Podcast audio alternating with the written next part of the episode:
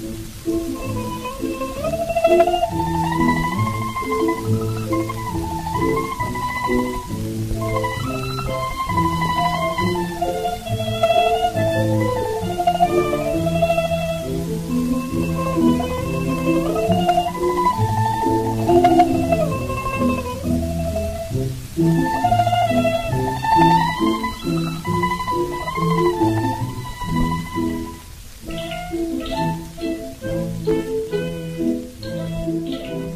Loksins ríkti friður í Japan.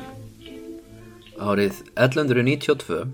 sjö árum eftir að hafa staðið uppi sem sigurvegari í borgarastriðinu, hlaut Minamoto no Yoritomo titilinn Shogun, að nánar tiltekið Sei Tai Shogun, en við þekkjum þetta betur sem einfallega Shogun og þetta er svona orð sem við könnumst flest öll við, svona sipað á samuræi Við vitum að einhverju tímabili voru samuræjar uppi í Japan og við vitum að þeir heyrðu undir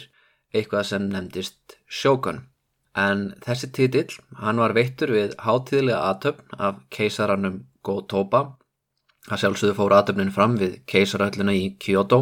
sem teknilega séð var ennþá álitin höfuborg Japans þó svo Mestöll stjórnsíslan færi nú í gegnum Kamakura, höfðustöðvar þessa Jóri Tómos sem verið var að heðra þarna. Þessi serimónia var viðurkenning keisarans og keisara hyrðarinnar á nýjum raunveruleika.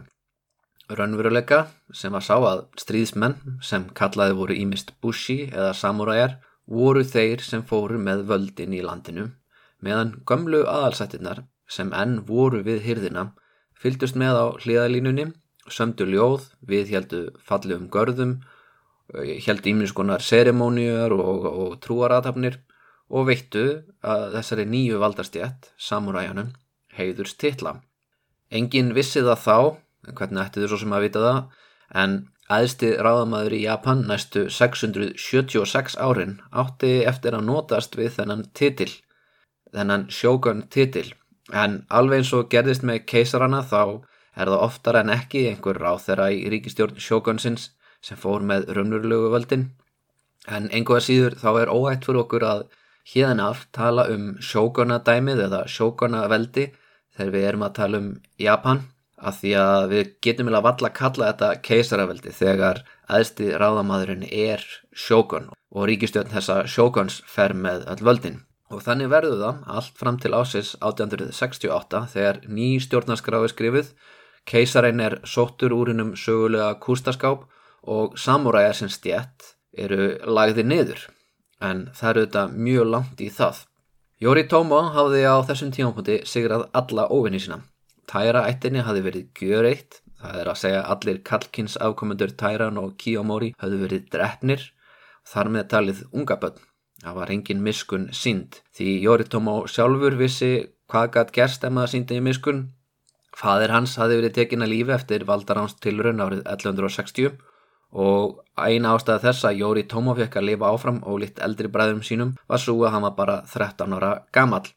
En það er svolítið erfitt að halda öðru fram en að það hafi verið stór mistök nú þegar Jóri Tómo er 40 árum síðar búin að sigra óvinni föðu síns og endur þessa Minamoto ættina voldugur eða nokkur sinni áður. Síðan árið 1185 var hann búin að stýra landinu í raun Einu höfðingin sem virkilega hafði ógnaðanum var Fujiwara höfðingin í norðurluta Japans sem veitti yngri bróður Yoritomus honum Yoshitsune skjól. Það er söguleg kaltæni að langafi hans Yoritomo bjóti þessa ógn. Það er að segja,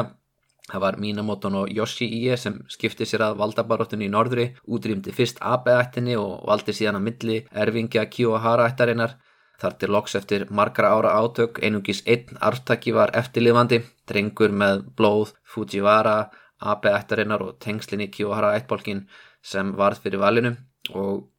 endaði sem eigandi já, verulega stóra landaregna þarna í norðri. En eh, þegar hann, eh, Yoritomo sigrar þann höfðingja, hann Fujiwara no Hitahira árið 1187 og, og, og í rauninni þurkar út síðasta svona stórhöfðingjan sem getur ógnáðunum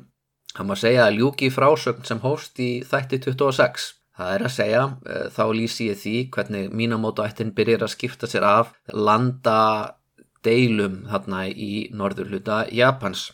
og ég aftur að koma inn á það hérna, síðar í þættinu hvernig eh, mikið af þessum átökum sem áttur sér stað sem á yfirborðinu virðast núast um eh, keisara eða hver fá að vera aðalar ákjafi keisara eða hver fá að vera forsættisar á þeirra og þarfram eftir gödunum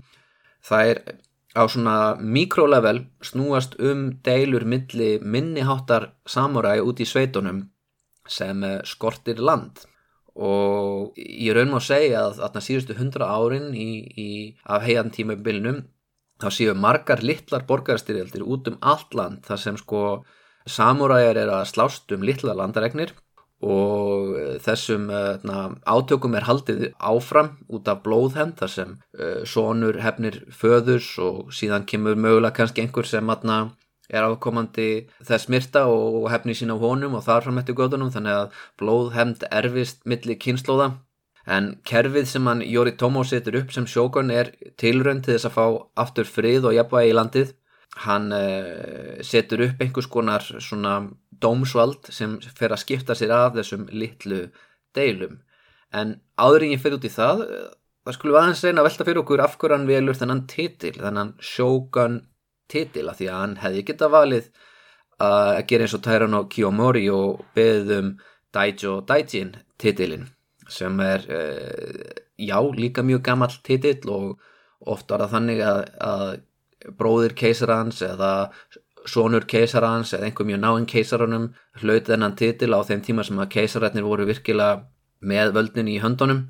Uh, og síðar meir þá er það Fujiwara ættin sem einokar þennan þetta ennbætti og loks kemur Taira ættin og hyrðir þetta ennbætti og notið það til að réttlæta sín völd. Það hefði geta verið þessi Daijo og Daijin sem hann uh, hefði geta valið á en málið það er Jóri Tómó hann vill ekki nota gamla heian stjórnkerfið. Hann finnst að,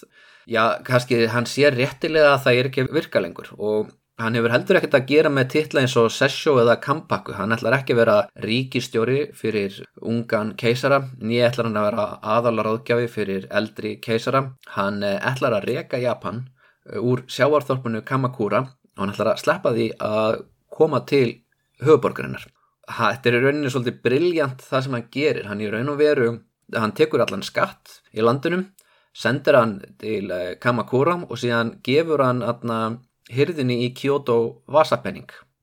og hann kalla sér sjókan af hverju kalla hann sig Sei-i-tai sjókan og við þurfum að rifja smá upp. Ég er enda búin að nefndi þetta strax í þætti 26 en það, það skadar ekki að, að fara aftur í þetta. Árið 794 Þá létt keisarinn Kammu reysa nýja höfuborg sem hlaut nafnið Heian og nú heitir þessi borg Heian í þessu laðvarpi Kyoto einfallega út af því að á þessum tíma er fólk hægt að tala um Heian og, og fyrir einfallega að kalla uh, þessa borg Kyoto eða eitthvað í, í þá aftina og Kyoto þýðir höfuborg og það er kannski svolítið íróníst að, að, að að Kyoto uh, er fyrst kölluð höfuborgin þegar hún í raun og veru er hægt að vera miðstöð stjórnsýslu í landinu en það verður bara að hafa það. Stundum að fá borgir nöfn sem passa ekki alveg fullkomlega við þær. En allavega Kyoto er þarna ennþá. Keisarni er ennþá í Kyoto. Og þessi kanmu sem á sínum tíma hafi restana, hann gerði líka svo litið annað. Hann vildi samina alla eiguna Honshu undir sér. Og til þess að geta gert það þá þurfti hann að sigra þjóðflokk sem nefndist Emishi sem bjóða hann í, í norðrinu og reyndar þegar hann kannu verðu keisari þá er, eru keisaraveldið hans nú þegar í stríði við þessa Emishi það er svo kallega 38 ára stríð. Og e, í raun og verum að segja sko Japanir læri margt að þessum þjóðflokki þessum Emishi þjóðflokki því að atna, fram til þessu eru Japanir búin að vera með uh, sverð sem er í kínverskum stíl uh, svona beinsverð uh, ekki svona svona mánalaga ekki svona bjúsverð heldur svona uh, meira sverð eins og já, eins og er í Kína eða Evrópu og þeir stæla sverðin sem að MSC nota og fara að nota svona atna, mánalaga sverð En ekki nóg með það, þeir stæla líka hvernig emissi fólkið berst í staðan fyrir að senda stóra bændaheri norður til að berjast við það. Þá fara þeir að nota fámennara rittaralið í bardugum, það er að segja sérhæft rittaralið með atna, sem nota boga aðalega til þess að atna, berjast með og það eru sagt, forverar samuræna og þetta er í rauninni út af því að emisi fólki það, það eru veiði fólk og þau eru mjög góði í skæruhernaði og eru rauninni að mest allt 30 ára stríði þá eru þeir að, að, að, að tuska keisaraveldið í suðri verulega til sem er freka vandaralegt því að keisaraveldið í suðri er fjölmennara þeir hafa atna, rítmál, þeir hafa uh, embætti og titla og emisi fólki er eitthvað svona fáme veiðimannarsamfélag sem nær samt sem áður að að hrella fólkið úr suðurinum og það er ekki fyrr en að sko atna, fyrr en að hann kannmu eh, fær hér uh, sem er uh, getur, stæ, getur atna, hermt eftir þessu emisi sem að þið ná að sigra þá. Þá byrja þeir að nota sumu taktik ferðast um á herstbæki nota atna, mánalega sverð og boga. Og mjög líklega þá atna, ekki bara nómið það að þeir lærðu og hermdu eftir þeim. Sumir sem atna, voru af MIC ættum gengur til liðs við keisaran og, og gerðust samuræðir í þjónustu hans eflaust. En hvað gerir hann kammu? Hann uh, veitir allavega tveimur mönnum títilinn Sei Tai Shogun á sinni valdatíð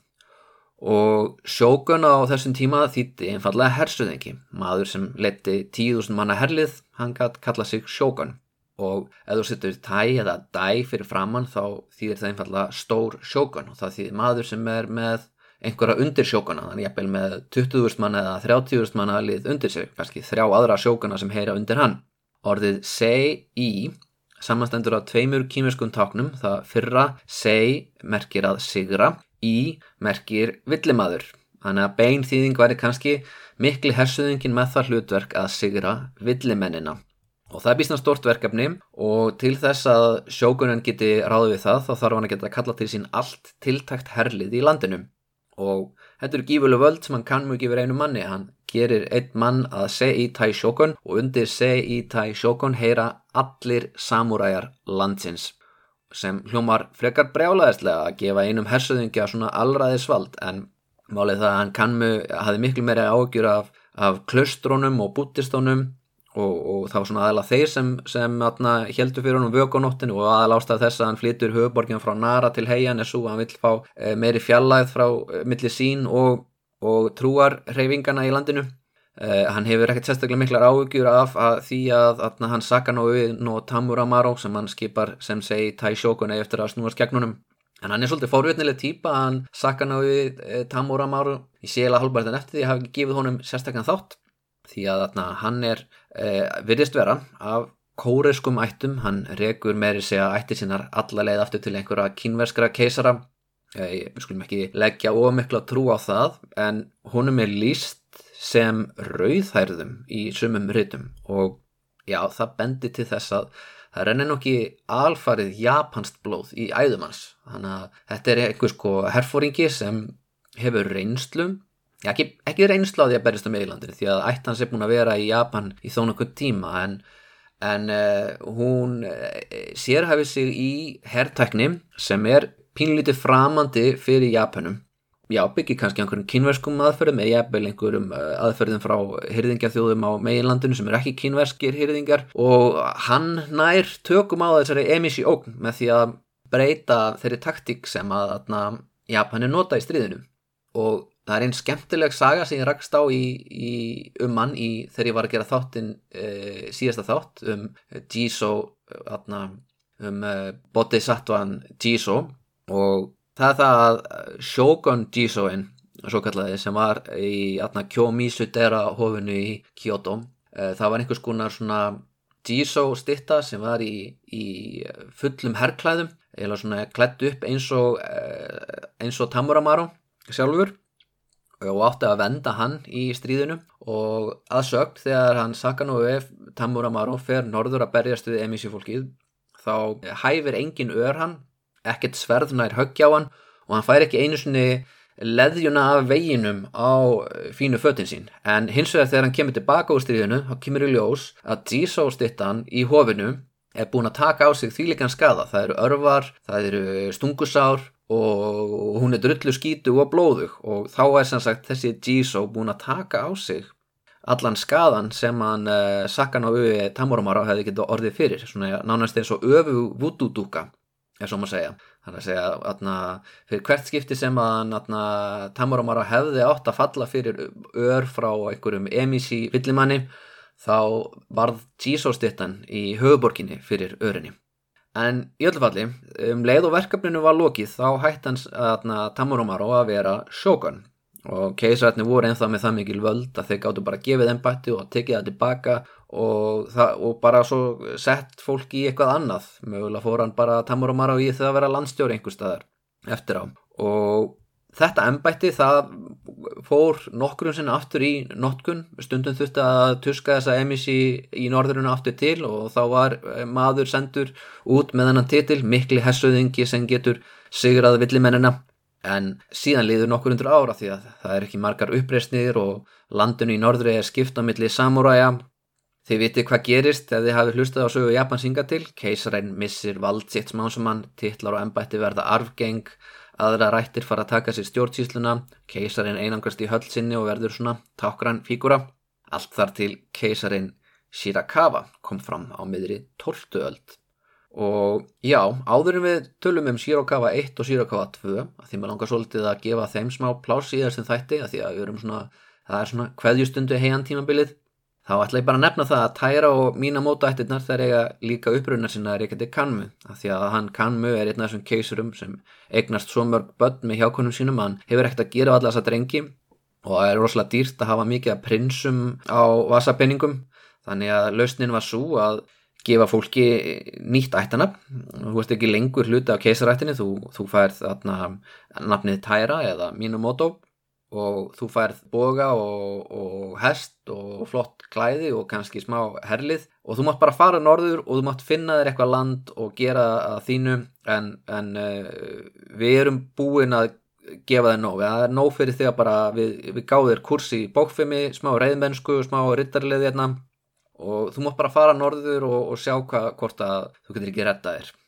Og uh, það gerir það verkum að mjög margir samúræjar uh, virðast geta rakið ættir sínar til einhverja keisara. En við skulum hafa það í huga samt að það, þessum tíma er ekki til mjög nákvæmar ættfræði rannsóknir eða ættalínur og DNA rannsóknir eru, já það eru í framtíðinni. Og mjög oft þá segjast samúræjar vera afkomundur einhvers keisara eða alsmanns með eh, svona fölsa, fölsuð skjöl í hendi. Þetta eru oft svona falsaðar ættalínu sem enginn þorir að efast um að því að ég menna þetta eru menn sem eru sérhæðir í því að drepa fólk. Og þeir hafa tildengu til að skora fólk í einvíi sem vegur að heðri þeirra. Þannig að þið viti það bara hér eftir að í þáttunum umkoma fullta fólki sem segist vera mína mótó einhvern tíman í framtíðinni. En mögulega er þetta bara lokal tuttar sem eru Það góði stríðsmenn að landeigendur ákvaða að gefa þeim boga, sverð og titla eh, á móti því að þeir ráðum og þjörmuða lokal bændum,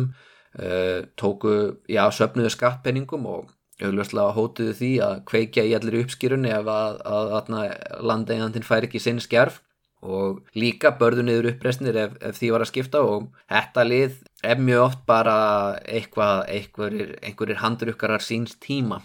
það þeir síðan mér og ákomundur þeirra síðan mér segi að þeir séu raun og veru ákomundur einhvers keisara. Já, við skulum ekki alltaf taka því fullkomlega trúanlega. Mögulega, mögulega þá e, er eitthvað tíliði hjá gömlu aðalsættunum sem líta niður á samuræðina, líta niður á líka þegar þeir taka völdin í landinu. E, af því að það er þetta svona ákveði snopp faktor hérna í, í, í, í þessu öllu saman. Gömlu aðalsættirnar það er hérna eiga kannski minni pening eða er gerðu áður. En eh, nýríku samuræðarnir þeir vilja gætna gifta sig inn í þessar ættir til þess að fægra ættalínuna þess, þeir vilja fá dætur konunglugu ættana til þess að veita sér einhverju upphefð og þeir reyna að yrkja ljóð og, og reyna að taka upp svona menningu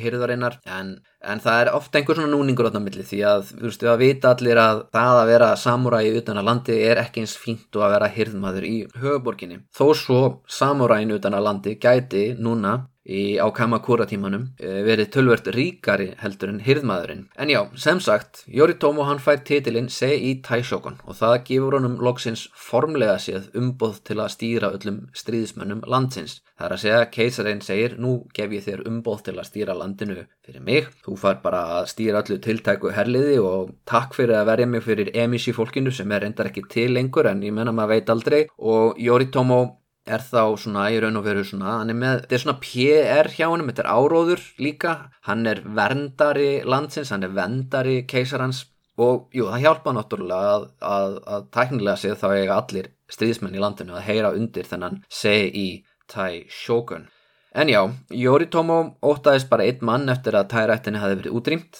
hann eh, ótaðist bróður sinn Yoshitsune og það er þess vegna sem hann vildi fá þennan titil í raun og verum út af því að hann ætlaði norður, hann ætlaði að berjast við Fujiwaran og Hidehira og, og, og Yoshitsune. Og með því að kalla sig mikla hersuðingjan sem berst gegn villimönnunum þá er hann svona svo litið að stilla því þannig upp að hans í fulltrúi siðmenningarinnar og að og fólkið í norðrinu sé einhvers konar barbarar, villimenn sem þurfi að yfirbuga.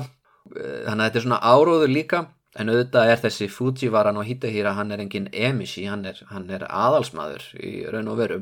Jafnvel meiri aðalsmaður en þessi Yoritomo.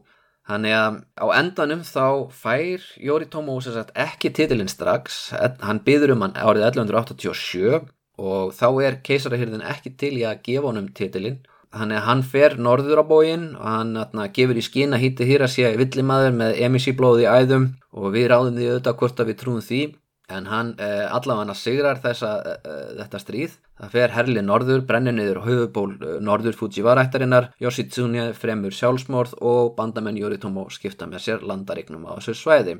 Sem sagt, Yoritomo er ekki sjókun fyrir árið 1192, þráttur er áskeftir því að fá titilinn sjókun árið 1187 og þar að því að keisarahyrðin sagði nei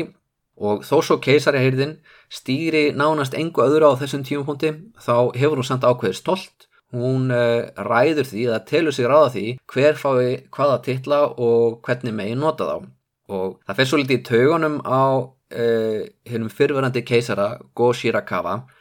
að, að hann Yoshi, að hann Yoritomo segi ég, hann Yoritomo sé að gefa fylgismönnum sínum titla eins og hann hafi eitthvað umbótið þess. Hann er ekki með neitt ennbætti frá keisarannum sem gefur hann réttin á að útdela titlum og ennbættum til sinna fylgismanna en hann gerir það samt og Go Shirakawa hann heldur fast í það að hann Yoritomo fái bara alls ekki neitt titil og þá kemur að hvaðjustundinni að því að Go Shirakawa hann er nú búin að vera með okkur ansi lengi, hann er búin að vera á hliðalínunni í þó nokkuð marga þætti og mér finnst hann verðskulda nokkur orð. Það er raun ekki ekkert að skilja borgarastriðin á tóltöld á þess að hafa með í myndinni. Þannig að byrjum á nafninu. Eh, það kallaði engin Go Shirakawa Go Shirakawa meðan hann var ennþá á lífi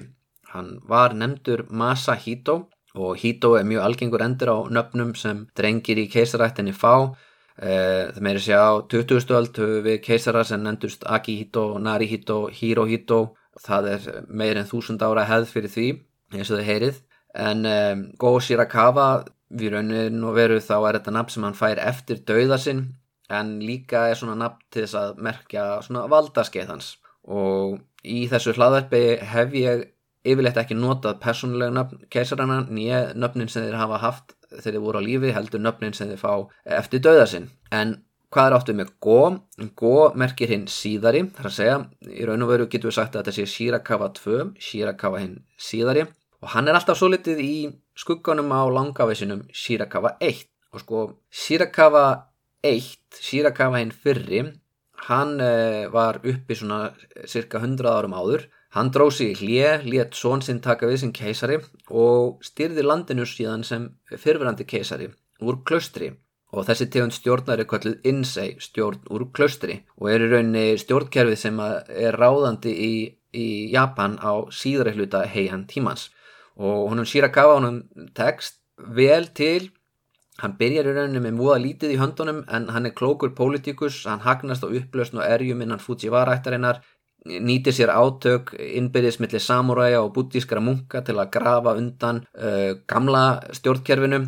sem hann hefur ekki tök á, hann er að grafa undan uh, stjórnkjörunu sem að Fujiwara-ættin er að nota til að stýra. Og að lokum endurheimtir hann völdin sem að keisarættin hafi glatað. Og hann gerir það með svona svolítið góður í konfúsískri brellu þar að segja. Uh, jú, keisarinn er með sína ríkjustöðn ennþá en þú átt að hlýða föðinum það er mjög mikilvægt í svona konfúsískri hugsun að, að hlýða öldungum og það sem hann er nú svona fyrirverandi keisari og, og, og fadir keisarans eða jafnvel afi keisarans þá, þá er það í rauninni hans ríkistjótt sem hann skipar sem er svona skör fyrir ofan hérna og Goshirakawa hann reynir að gera þetta en munur hann á honum og langafa hans er sá að langafi hans Goshirakawa var svona varkár og strategískur pólitíkus, maður sem beigð þólumóður eftir því að anstæðingar hans gerði mistök og síðan ítt undir erjur innbyrðis hjá þeim en Goshirakawa var hins vegar maður sem að taldi sig vera afbörða leikanda í einum pólitíska leik en var því miður einn af þessum mönnum sem telja sig klárari en þeir eru. Svo í stað þess að Minamoto, Taira og Fujiwara ættirnar væru leiksoppar hans, alveg eins og Shirakawin fyrri hafi gert á, hafi leikið sér að þessum þremur ættum, þá var það fyrst og fremst Goshirakawa sem var leiksoppur þeirra og Fyrstum mistök hans, þau kom eftir hann sigraði bróður sinn Sutoku í baráttunum hásætið. Hann ákvaða þeir sem höfðu stutt Sutoku skildu vera teknir að lífi og það var svo sem ekki ólgengt þegar sveita samúræjar í norðrinu er að berjast að menn séu teknir af lífi en málið það að fram til þess að var fólk sem til er í svona há aðlinum yfirleitt fengið að fara í útlöðið að gangi í klöstur. Svo þetta þótti svona óvænt og frekar sjokkerandi hjá nýja keisaranum. Og hugmyndin var eflaust svo að þurrk út alla anstöðu en þetta hafði í raun þerjöfug áhrif. Að því sko einna styrkleikunum við gamla heian kerfið var sá að sko valdabartan var ekki búið líf og dauða. Eins og það heyri í þáttum eins og þegar ég var að fjallum Sei Shonagon og Murasaki Shikibu þá líst ég valdabarutinu sem var í bakgrunnum og þar eru það menn sem er að berjast um uh, titla og ennbætti innan hýrðarinnar en refsingin fyrir það að tapa í þeirri baróttu Hún er ekki eins og í þáttunum Game of Thrones, það er fræg línan þar sem Cersei segir við hann Ned Stark í fyrstu seríunni When you play the Game of Thrones, you either win or you die. Ef þú spilar krúnuleikana þá annarkort uh, vinnurðu eða þú derð. Í heian Japan þá annarkort vinnurðu eða þú ferði útlegð, það er að segja að þú enda sem landstjóri einhver staðar langt frá höfuborginni, uh, ennþá lífi og ennþá með þægilegan lífstíl en hins vegar ekki í, í ringiðu menningarinnar sem heian er. Og það þótti þeim auðvitað stundum verra en að deyja. En samt núna eftir að Go Shirakawa gerir þetta hann lætu taka anstæðinga sína af lífi jafnblóttir síu Fujiwara jafnblóttir síu ættarhöfuð eða fyrrum ættarhöfuð Minamoto ættarinnar það sem hann eh, segir óvinnu sín með það að annarkort sigrarðu mig eða þú deyrð og eftir þetta þá berjast menn alveg fram í dauðan. Þannig að í staðin fyrir að semja og, og sætta sig við að tapa eða eitthvað svo leiðis þá, og, þá svona í rauninni þá skapa þess að hörðu aðgerðir eh, ekki nægilega óg til að tryggja frið í landinum heldur skapaðu nægilega óg til að tryggja enn harðari valdabartu og svo eru það, það hinmistökin það eru stríðismenn og Minamoto og Tairættin sem gera Go Shirakawa keisara. En eitt af fyrsta sem hann gerir í ennbættun er að snúast gegn hagsmunum þeirra. Og hann reynir að endur þessa kerfi í landinu þannig að, þannig að allt landið í, ríkinu til er í keisarunum algjörlega.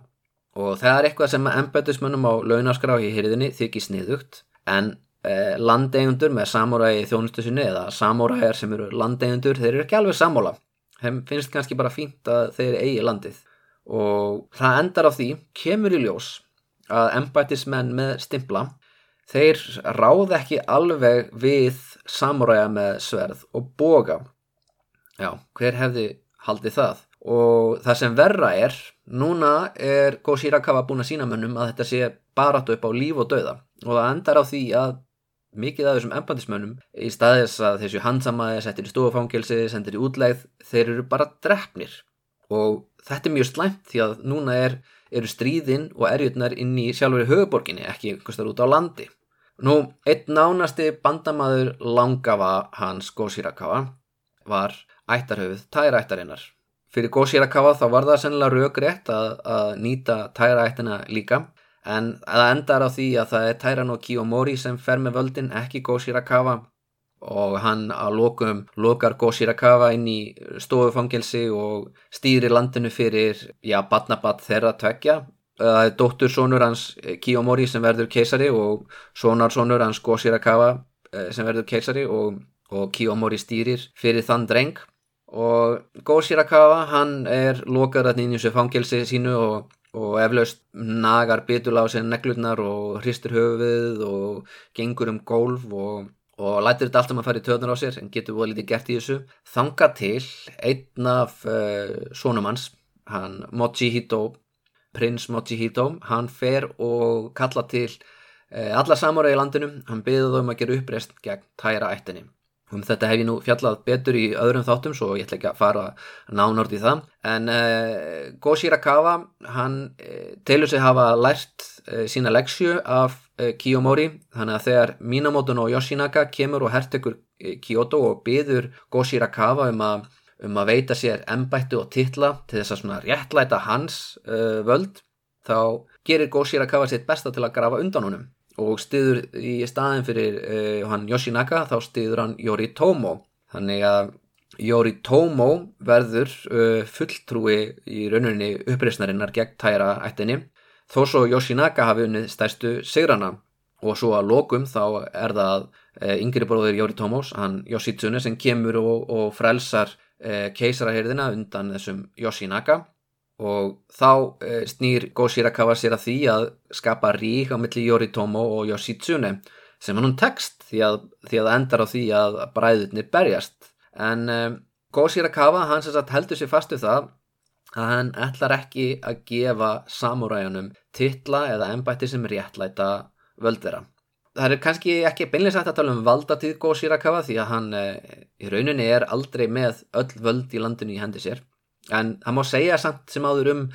valdatíð hans, um það skeið sem hann er ættarhöfuð keisarættarinnar. Það sé tími sem einkennist af stríðum, hörmungum og það er því ekkit sérstaklega skrítið að sagan minnist hans sem frekar lélegs keisara, mann með ranga skapgerð og með þess að einna hans nánustur ágjöfum, Shinsei, eh, maður úr Fujiwara-ættinni sem að Go Shirakawa valdi til að leiða sína fyrstu og einu ríkistjótt Hann saði víst eitt sinn að Go Shirakawa væri fíbl sem þekkti ekki sundur fíni og óvinni og það er, það er hansi hörð gaggrinni ef að, ef að þinn nánasti ba pólitíski bandamaður uh, segir að þú sért fíbl sem þekkir ekki sundur vini og óvinni þá ertu mögulega ekki, ekki sérstaklega skarpur pólitíkus. En ég kemst ekki hjá því að líka samt ágætlega við hann Go Shirakawa með þann sem ég lesið um hann því að kannski var hann liðlugur hyrðpólitíkus og kannski hefði hann getið verið miðlungskeisari ef hann hefði verið upp á tímabilið þar sem hann hefði ekki þurft að díla við e, borgarastríð. En það sem ég finnst skemmtilegt við hann er það að hann neykslaði marga í hyrdinu með óvenjulugum ljóðasmekk. Það er að segja að Gósirakawa var ekki hrifin af hinnum hefðbundnu waka ljóðum sem ég nú verið að þýða í fyrir þættina heldur hrefst af alþýlugum sönglugum uh, kölluðum Ímajó og þetta voru sönglög sem fólk í lægri stjættunum fíluðum og það að Go Shirakawa síndið þeim áhuga var ákaflega óvennulegt og frekar illa liðið í hyrðinni. Ef maður ætti að setja eitthvað nútímalegt samengi þá var það svolítið eins og ef Elisabeth Englandsdrottning færi á teknotónleika í staðis að fara í óperuna en meirins að í dag er það ekki nægilega eh, sjokkurandi því að Go Shirakawa fór ekki bara á tónleika, hann bauð lágstettar konum að koma inn í höllina og syngja fyrir sig. Hann styrti þær á svipaðum át og fyrir keisarar höfðu veitt svona ljóðskaldum af aðalsættum styrki og ekki nómið það, hann fór í læri hjá þeim þar að segja að vekk konurnar til þess að kenna sér að syngja. Já, þannig að þetta er svolítið sjokkarandi því að það er oft þannig að Íma og Jó söngurar eru líka stunda vændi á, á hliðalínunni. Þetta er svona þessi hefðmundna samblanda því að vera leikari eða tónlistamæður fyrir áldum eða yfirleitt blandast vændin í þetta líka og þetta gerir hann Gósirawa kannski að liðlu um pólitíkus en hann er allavega ekki snoppaður og hann meira segja gefur út bók með samansapni af ímægi og textum. Það er aðal ástæða þess að við vitum eitthvað um þessa sönglaga hefð í dag. Og, og því bara ef þið reynið að ímynda ykkur þetta að þú veist að einhver sem hefur verið eh, fyrrum keisari eh, er í rauninni heilagu maður hann fer í læri hjá aðna alþýðu konu og áarparana sem svona læri mistara það er svo litið magnað ef maður spáir í það, sérstaklega fyrir þennan tíma. Svo að því sagðu, árið 1192 þá deyir hann Gosirakawa og ég segi bara takk fyrir að fylgja okkur frá heian tímanum yfir í Kamakura tímabilið og þegar hann deyr þá brotnar mótstaðan innan hyrðarinnar og e, næstu ættarhauðu keisarættarinnar eru tilbúin að, e, að láta undan Yoritomo og veitunum sem sagt þennan Shogun titil.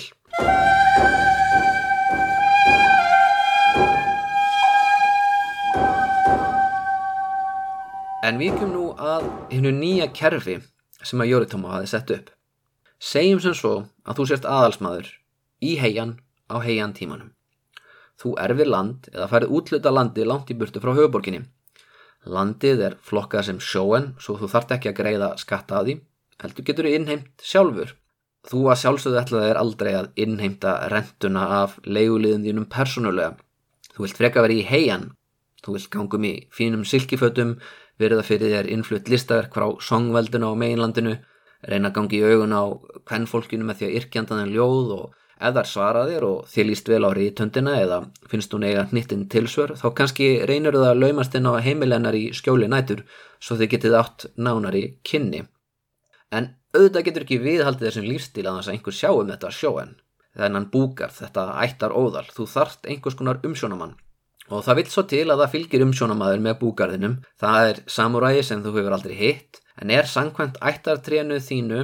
badna badn yngri bróðus langafaðins og hann á að hyrða um það byrj eitt tíunda af rentunni sjálfur og nota það til að uppfæra vopnabúnað sinn og viðhalda hesthúsunum og þjálfa næstu kynslu og samuræja á landaregninni. En hér er vandamálið. Sankvæmt þínum útreikningum er samuræðin þinn að taka meira en bara einn tíunda og þú ert ekki alveg sáttu við það. Svo þú leitar að nýjum samuræja úr nágrenninu, einhvern annan í þessari sveit sem er til í að taka við landaregninni og, og, og, og skila þér þeirri upphæð sem þú til þig eða skilið. Og það vitt svo til að það er annar á lausu, fjarskildur frændi eitthvað begja og hann er til í að taka sér e, reksturinn fyrir réttverð svo þú skiptur hann mút. En því miður gengur þetta ekki alveg eins smurt og þú hefði viljað því þú fréttir að nú séu þessi samúræjar, þessi tveir samúræjar fastnir að berjast innbyrðis um hvorður að séu umsónamaður á þessu sjóen. Sem betur fyrr sigra sá sem þú valdir, en að ráðningin gekk eftir og þú er bara nokkuð sátur, þú ferða að fá þína rentu, en svo daginn, nokkur mánum síðar, þá fréttur þú að hann sé núna látin og það er að því sonur samúræjans sem uh, þú lést reka burt, hann er búin að hefna föðu síns og hann tilkynnið er að hann sé búin að taka við sem umsjónamaður uh, búgarðsins og þú eru í smástund ágjörði hvort að rentan muni skila sér, hún gerir það og þú yppir aukslum yfir þessu. Svona eru þessi sveita samorjar, þeir eru alltaf að leita henda og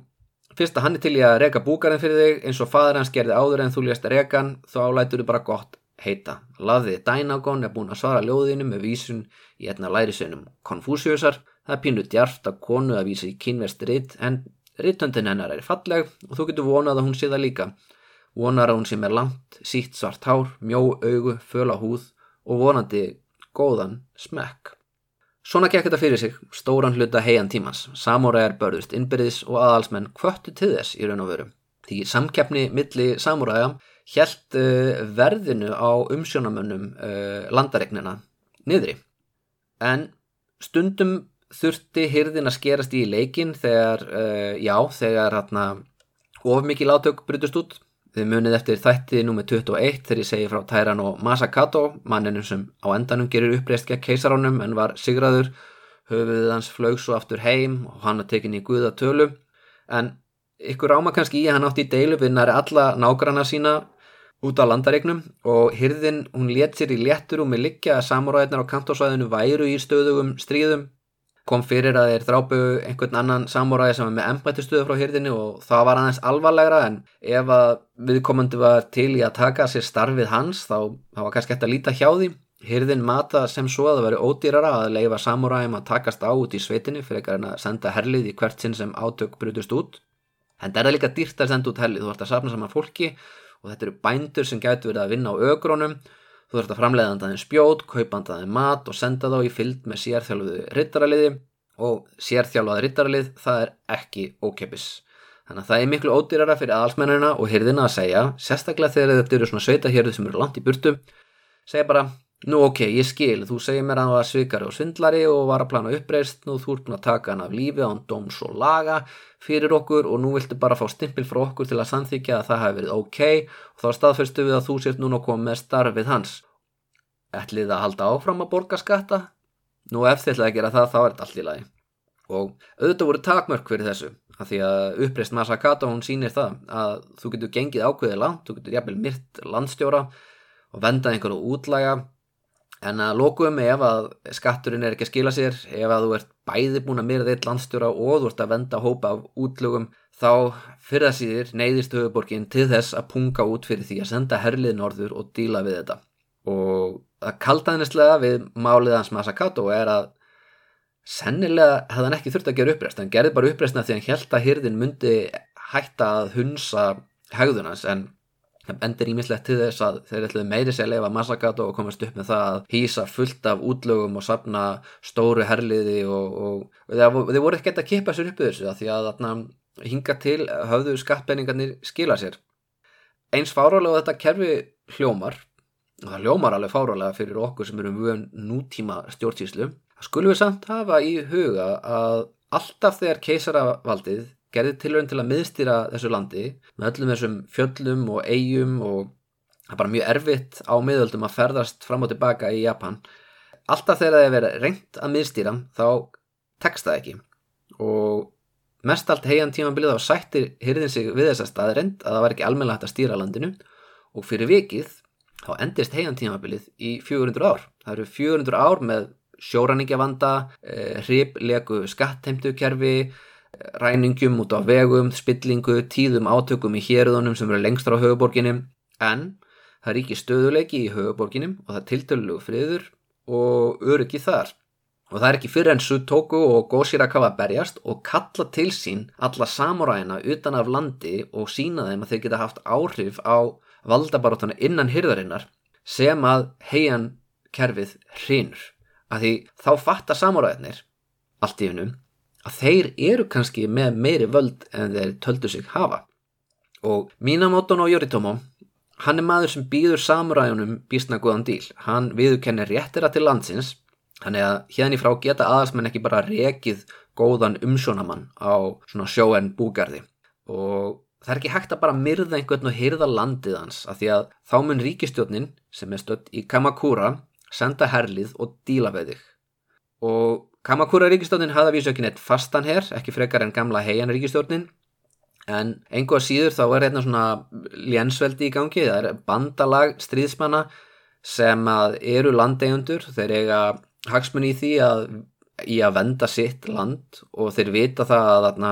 ef fólk kemst upp með það að myrða einhvern og taka landið að þeim, nú þá, þá er það ekki mjög gott fyrir landegjöndur og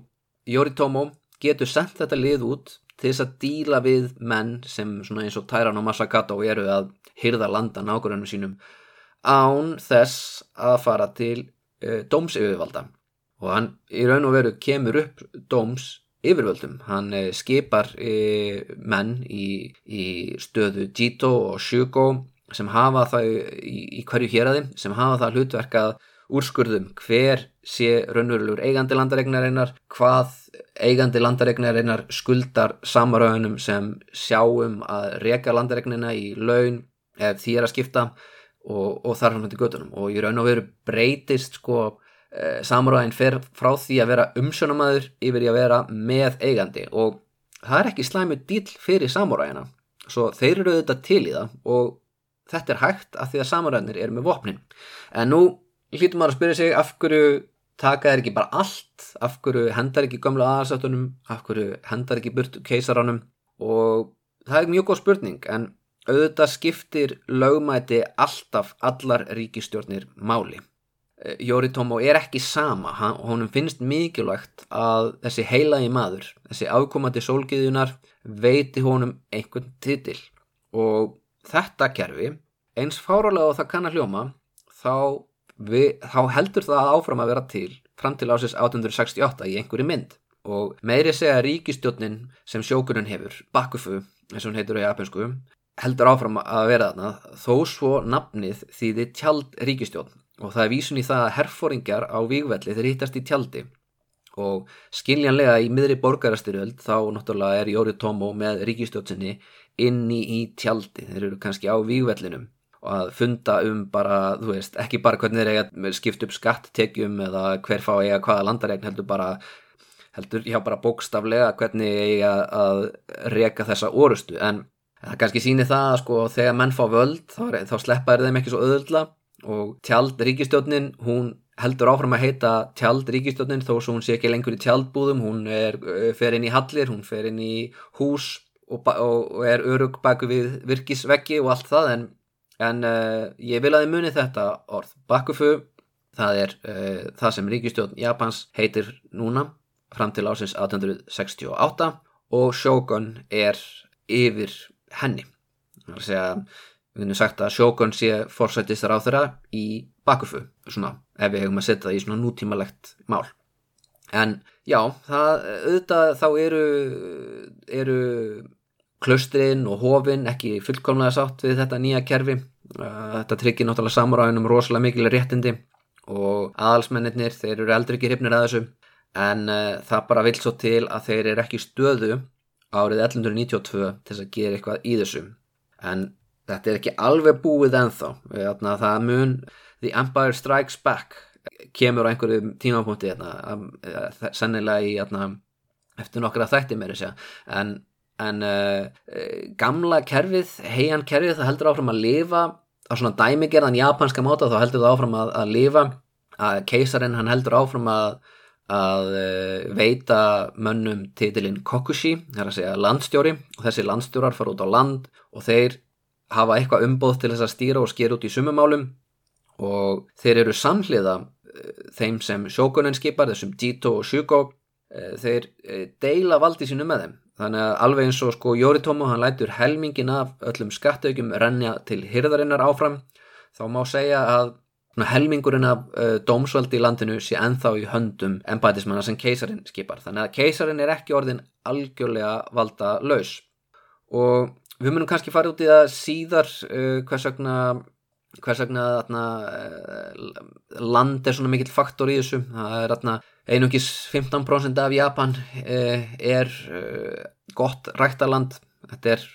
frjósamt ræktaland vissulega, þetta er enda eldfjalla eiga þannig að, jarðvegurinn er góður og næringa mikill en já, þetta er samt sem aður eldfjalla eiga og þar að leiðandi er rosa mikið að rauni, háum fjálstindum og þar fram eftir gödunum og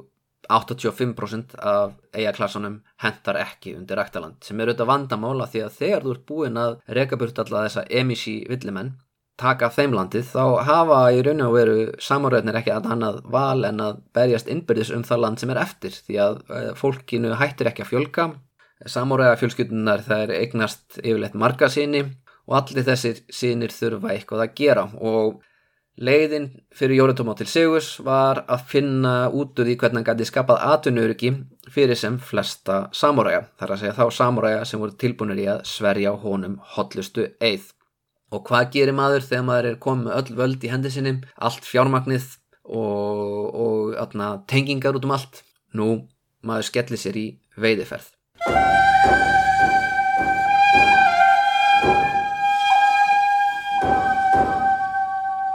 Ekki glema því, ég lofaði í síðasta þætti að við ætlum að fara í veiðiferð. Og við þekkjum það auðvitað í nútímanum. Þegar forstjórar og fjárfestar og stundum pólitíkusar fara saman í lagsveiðiferðir auðvitað er markmiðið á yfirborðinu að veiða lags síðan er drukkið saman á kvöldin og hver veit það koma kannski viðskiptið til tals. Kannski myndast viðnáttur eða varanleg bandalög. Já, það er erfitt að segja til um nema manni sé bóðið í lagsveiðiferðina Og sem sagt, árið 1193, ári eftir að Yoritomo er formlega orðin sjókun, keisarahyrðin hefur loksins nú eftir andlátt Go Shirakawa gefist upp á þrjóskusinni og viðurkent að Yoritomo hefur fullan rétt á að skipa samura í ennbætti út um all land og þau ætla ekki að, að efast um það að hann hafi umbóð til að sker út í, í málum er varðar samura og já, væri hann ekki til í að deila til þeirra smá að skattpenningunum líka? Við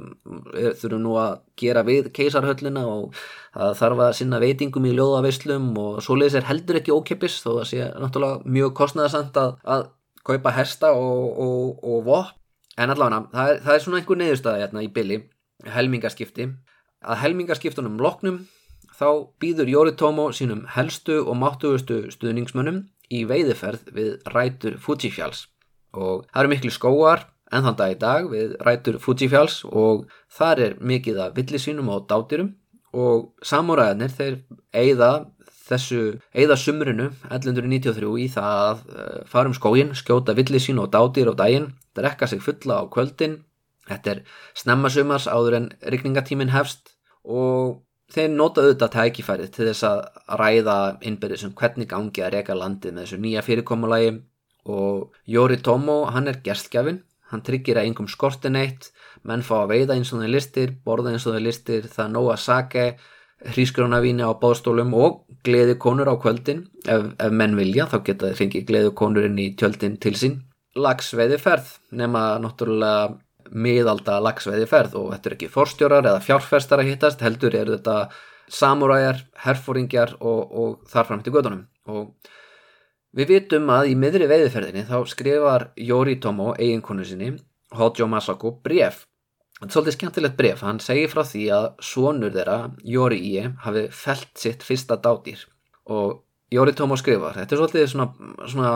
skemmtilegt sko, svona, hvað, er, hana, hvað hann er stoltur af sinni sínum. Hann skrifar, Yori-ie er sannkallaður samuræi. Sannkallaður samuræi, hann náða að fella dátýr. Og það er öruglega ekki auðvelt að, að hitta dátýðir eða þú ert upp á hestbæki og þetta er þeim í miðjum þykkum skógi.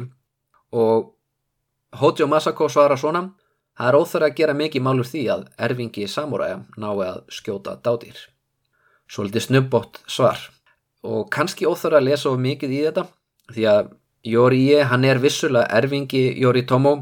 og, og Jóri Tomo hann getur alveg verið stoltur af sinni sínum því að hann Jóri í á þessum tíma er bara 11 ára gammal og þetta er fyrsta veiðiferðin sem hann fer með föðu sínum og bandamönnum hans. Og svona af þeim japanskum fóreldurum sem ég hef kynst þá eru þeir flestir frekar hóvarir fyrir hönd badna sinna, gera yðurlega frekar lítið úr afröggum þeirra. Og kannski fannst Masako og hann Jóri Tóma hljóma full montin í brefinu sem hann sendir henni þannig að hún segir, ah, þetta er nú ekkit svo sérstætt en kannski var hún E, innra með sér frekar stolt af síni sínum. Það getur vel verið. En þegar við snúm okkur aftur að æfi hennar eftir næsta þátt þá þá munið sjá að hún ásvöldi erfitt samband við elsta són sinn. Og þá kannski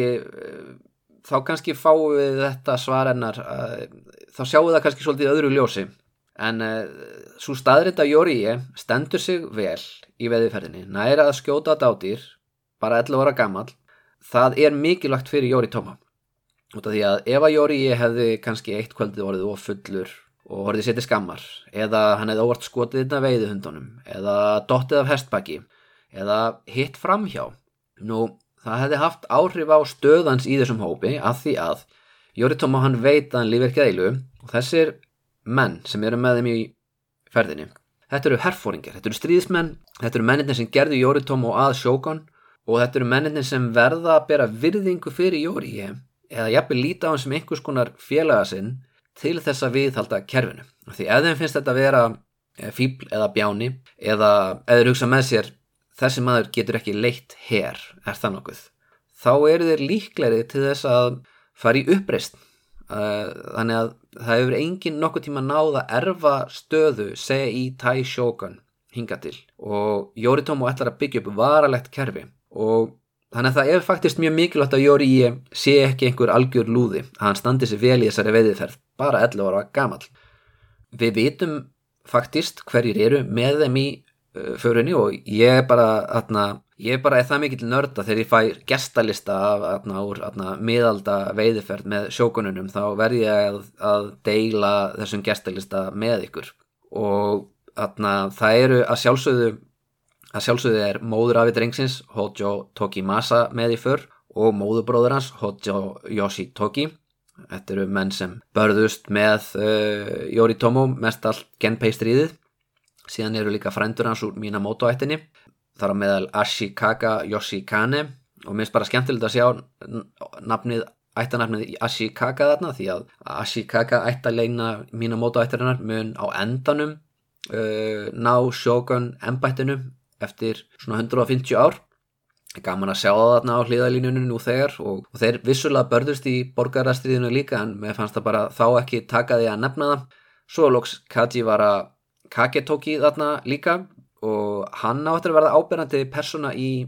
þeim næsta þætti af æfi hennar Hojo Masako. Eftir tvo þætti þá, þá mun ég komin á uh, hann nánar og, og Kaji var að Kagetóki áttur að reynast mest bandamaður hans Yorii þegar Yorii er orðin Shogun. En það verður meirum það síðar.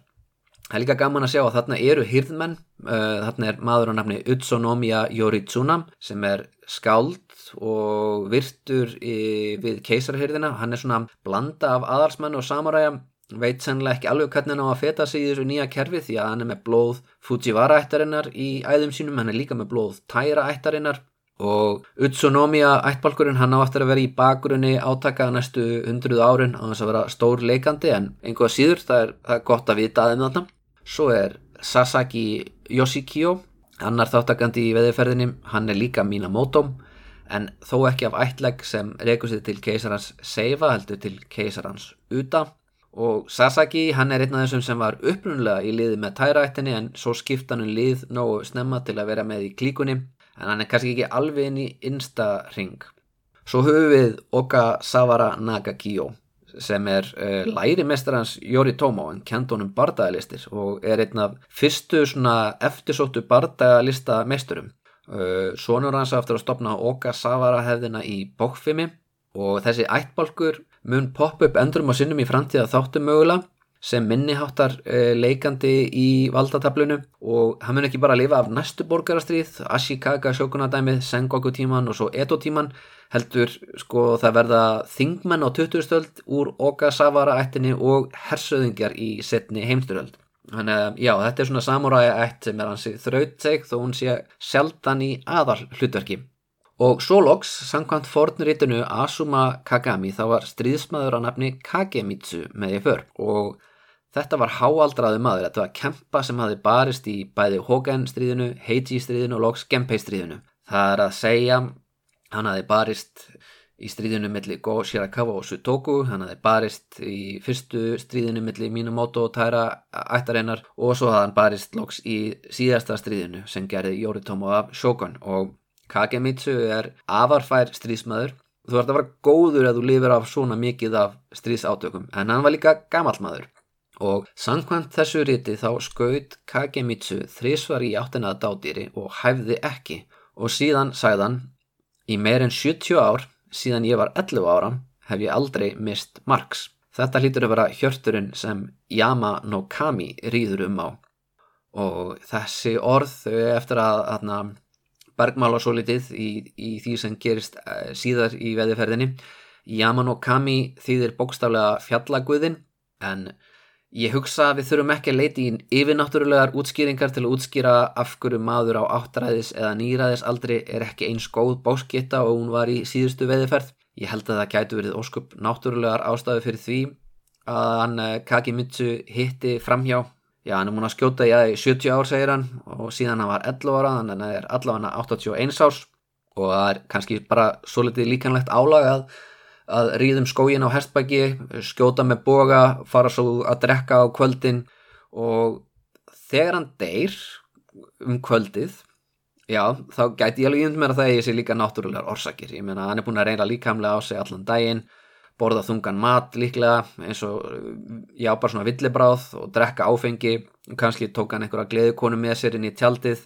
Þannig að andlát hans þarf ekki að vera einhver hemd fjallaguðsins fyrir það að skjóta á reyðdýr sitt. En einhvað síður þá kom þetta veislugjastum í uppnám og fekk sjókunin til að leita til uh, helgimanna, einhverja spámanna. Og þessi spámenn þeir ráðlögðu honum að ljúka veiðiferðinni í flíti, senda gestina heim, slaufa, loka hófinum. En Yoritomo hann er á því að hann ætlar ekki að slaufa þessu. Hann ætlar að, að halda partíinu gangandi og það er ástæða þess að við tölum um þessa veðferð en þann dag í dag. Ástæða þess að, að það er hægt að finna þennan gestalista yfir höfuð á netunum út af því að ólíkt öðrum veðferðum þá e, stendur þessi svolítið upp úr í sögu Japans. Því að um meðjanótt í byrjun júli árið 1193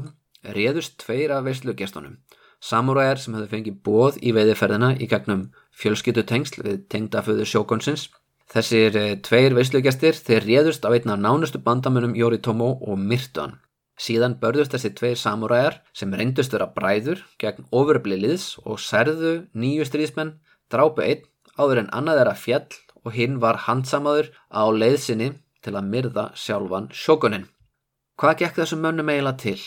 Það voru enga líkur á því að þessi tveir menn myndu lifa nóttin af, hvort sem þeim hefði tekist að drepa sjókunin eða ekki þeir hefðu alltaf verið e, mist lífið.